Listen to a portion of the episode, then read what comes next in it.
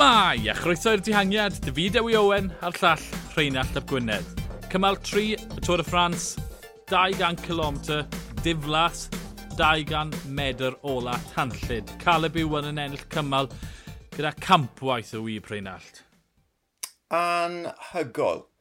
Yr unig bryd dwi'n credu dwi erioed wedi gweld gwyf fel yna oedd Dan McClay yn y GP Dynan yep. rhyw bedair mlynedd yn ôl yn dod o nynlle ac yn gwau i ffordd trwy'r grŵp ac ennill ar y linell. E, oedd e'n anhygol. Nawr, o'n i'n becso braidd am Caleb yn y diweddglo yna. Nath Roger Kluger dynnu bant bach yn gynt na'r disgwyl a oedd e, oedd, oedd dibwst o flaen um, Caleb a tipyn o waith i wneud, ond diolch i'r drefn ar eu rhan nhw, da synweb mlaen o'i blaen. Dath hwnna helpu nhw lot, uh, ond ie, yeah, oedd hwnna'n ffantastig ac mae'n glir mae Caleb yw'r cyflyma o'r peleton. Ie, yeah, os chi heb cael cyfle i weld e, does dim eisiau chi gwylio 200 km o'r thing. y, y peth pwysig yw'r siot na o'r hofrenydd, yn dangos y 200 medr ola yna. Mae'n dyw e ddim ar y sgrin gyda cam hanner o, o fedra i fynd. Wedyn mae'n troi lan, mynd o amgylch Sagan i'r dde, mynd o amgylch Sam Bennett i'r chwyth. Na Sam Bennett ddod o ddiar ei lainau. E. Mae hwnna'n erbyn y rheolau. Um, Mae'n ma galed, twyd, nath, e twyd, oedd e ddim yn mwf mor bryglis yna, achos oedd lot o hewl ar y chwyth, ond o ystyried y damweiniau sydd wedi digwydd yn ddiweddar, a ystyried bod y rheol na, dyle fe yn ôl y rheolau cael ei, ei ddiarder o'r cymal, roi i cefn y pelton. Um, mae hwnna, yn, ma hwnna twyd, yn, i fi yn, gweig, yn ormod twyd, i be nath e, ond mae doedd beth nath e yn y cymal na ddim yn isten cyfforddus iawn dy fi o ystyried beth sydd wedi digwydd tymor yma. Na, a tyma, ni wedi gweud droion, mae ma, ma pethau fel hyn yn digwydd yn eitha aml mewn diweddglo cymal wybio. Mae ma gwybwyr yn gwyro o'i, oi llinellau. Weithiau mae fe'n cael effaith, weithiau mae fe ddim. A dwi'n credu yn y cyswllt yma, achos be nath Caleb, um, nath hwnna rhoi cysgod mawr dros yr hyn nath Bennett i wneud. Mm -hmm. um, dyle ddim diastyru beth nath Bennett, ond fi'n credu achos natur buddugoliaeth Caleb, uh, bydd bod, y comisers falle uh, uh, yn anghofio, falle cael gair bach yn dawel, ond di, dim byd mwy na hynny. Uh, yn y cyswllt yma.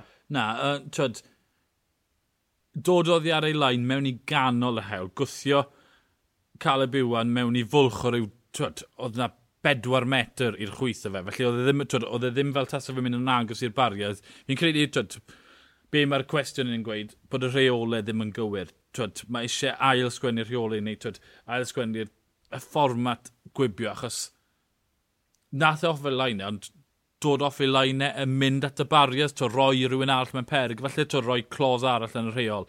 Pam ti'n roi rhywun arall mewn perig, falle dyna'r diarddel. Ond ta beth, to, campwyth o wyb gan Caleb Iwan. Um, stwff eraill, Jerome Cousan, Podab, ar ben un dim gobeith dy fe. Um, Anthony Perez yn hawlio'r Cris uh, Bryn y Mynyddodd a wedyn gorfod gadael achos gath y ddamwe. Hwna, oedd hwnna'n drist. Oedd e yn. A dwi ddim yn licio dynyddio geiriau fel karma pam i ni'n trafod seiclo a codymau, ond wrth edrych nôl ar ffordd nath Perez benderfynu gorffen y, y, y dihangiad yna ar ôl cael y pwyntiau, cymryd y Cris a meddwl, reit, mae hwnna'n ddigon, na i fynd nôl. Alla ti feddwl bod hwnna'n symudiad synigedd braidd, a os nath e yn hytrach aros yn y dihangiad, falle bydde'r wel, yn sicr, byddai'r bydde y codwm na ddim wedi digwydd. Ond fel wedes i, y cafiat yw, dwi ddim yn licio dynyddio car yma, ond yn sicr, tas fe wedi aros ar y blaen, byddai hwnna ddim wedi digwydd. Ond mae fe mor anffodus. Ti'n modd, Perez yn disgwyl mlaen i gymryd y Cris Pys ar y podiwm ar ddiwedd y cymal, ond nawr yn mynd adre wedi datgymalu bod, Ponti Ysgwydd, mae'n mor anffodus. Wel, twyd, oedd e'n, bydde fe wedi bod, proffesiynoldeb oedd di golygu bod e'n mynd nôl i'r pelton, ach twyd, oedd dim byd i fe ennill trwy aros mas yn dihangiad, lle fori, twyd, mae yna ddigonydd y pwyntiau, mae yna fwy o pwyntiau ar y hewl, a posibiliad o dihangiad yn, yn mynd hyd y diwedd lle mae'r cat un, felly twyd, os bydde fe wedi aros mas, bydde fe wedi gwastraffu egni, felly twyd, fi'n cyd ymdeimlo dy fe mynd nôl, a swnio fel bod e'n bwyd mewn i car a dyw hwnna byth yn neis. Nice Um, gweithio Prysur well llad i fe, ond ie, yeah, cymal tri, dyna stori Caleb Iwan yn, yn, hei, yn hei, llwy'r heiddi'r wyb. Cymal pedwar fori, um, rhyw 160 km um, ac yn benni ar ben mynydd am y tro cyntaf yn y Tôr y Ffrans. Cymal pedwar, mae hwnna'n gynnar. Dringfau Orsoles, Merlet, ddim yr un cyleta. Mae'n mynd lan i 1800 medr i'ch ben y môr, ond rhyw 7 km, 6.7 o radiant ar gyfartaledd, diw na ddim yn heriol i'r dringwyr o fri yn ynddo e? Na, mae yna sawl sialens fwy brathiog i, i, i ddod yn, yn ystod y tor yma.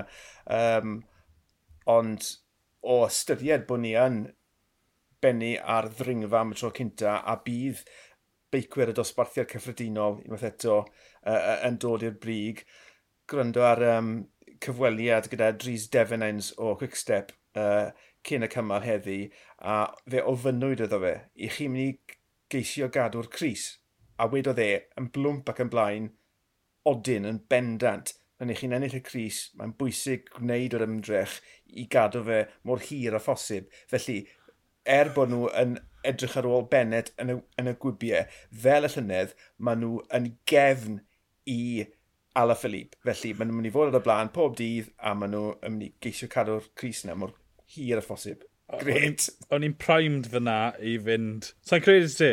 Achos o'n i heb clywed y, y, y cyfweliad yn meddwl bod nhw'n mynd i weid bod, bod nhw'n mynd i roi y bant. Ond na, mae'n gret bod nhw, bod nhw yn brawd o'r ffaith bod nhw'n melun a bod nhw'n cymryd serios. Mae ma Ala Philippe yn mynd am y melun. Mae wedi cael y cymal yn barod. Beth yw'r mm -hmm. yw Cris Polk o i fe?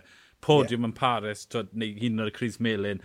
Um, faint ti'n gweld yn y grŵp lan ar y diwedd? Fi'n fi, gweld tra, rhyw 20-30 o bosib yn y grŵp blan. Sa'n gweld, dyw e ddim digon heriol i hyn o'r oed...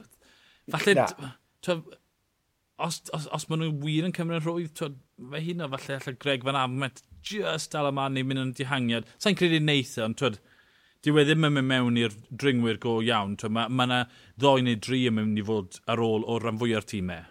Na, mor gynnar y hyn yn y daith, mae'r ma, ma, ma, ma ffefrynnau mynd i mesur i hymdrech, maen nhw'n gwybod bod, ti'n bod, cymalau mwy anodd o'i blaenau lle allan nhw wir wneud y gwahaniaeth. Felly, wneud yn siŵr bod nhw'n ddim yn colli amser fydd i fi'n credu fori yn hytrach na ceisio um, naddu amser o ffefrynnau eraill.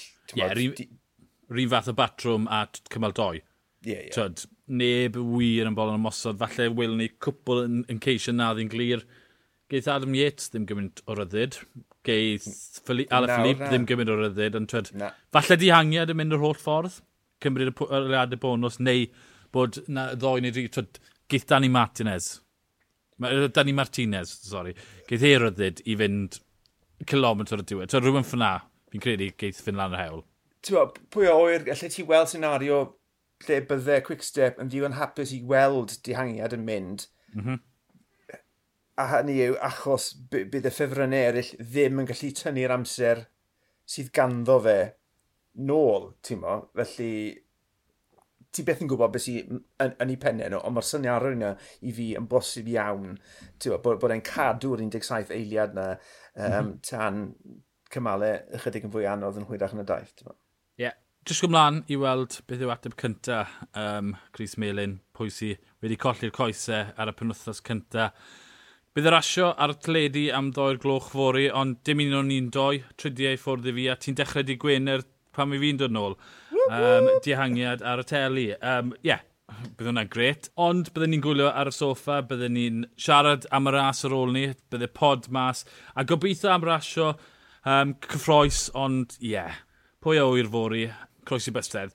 O fi Dewi Owen, a'r llall Rheinald Llap Gwynedd, ni'r dihangiad, hwyl.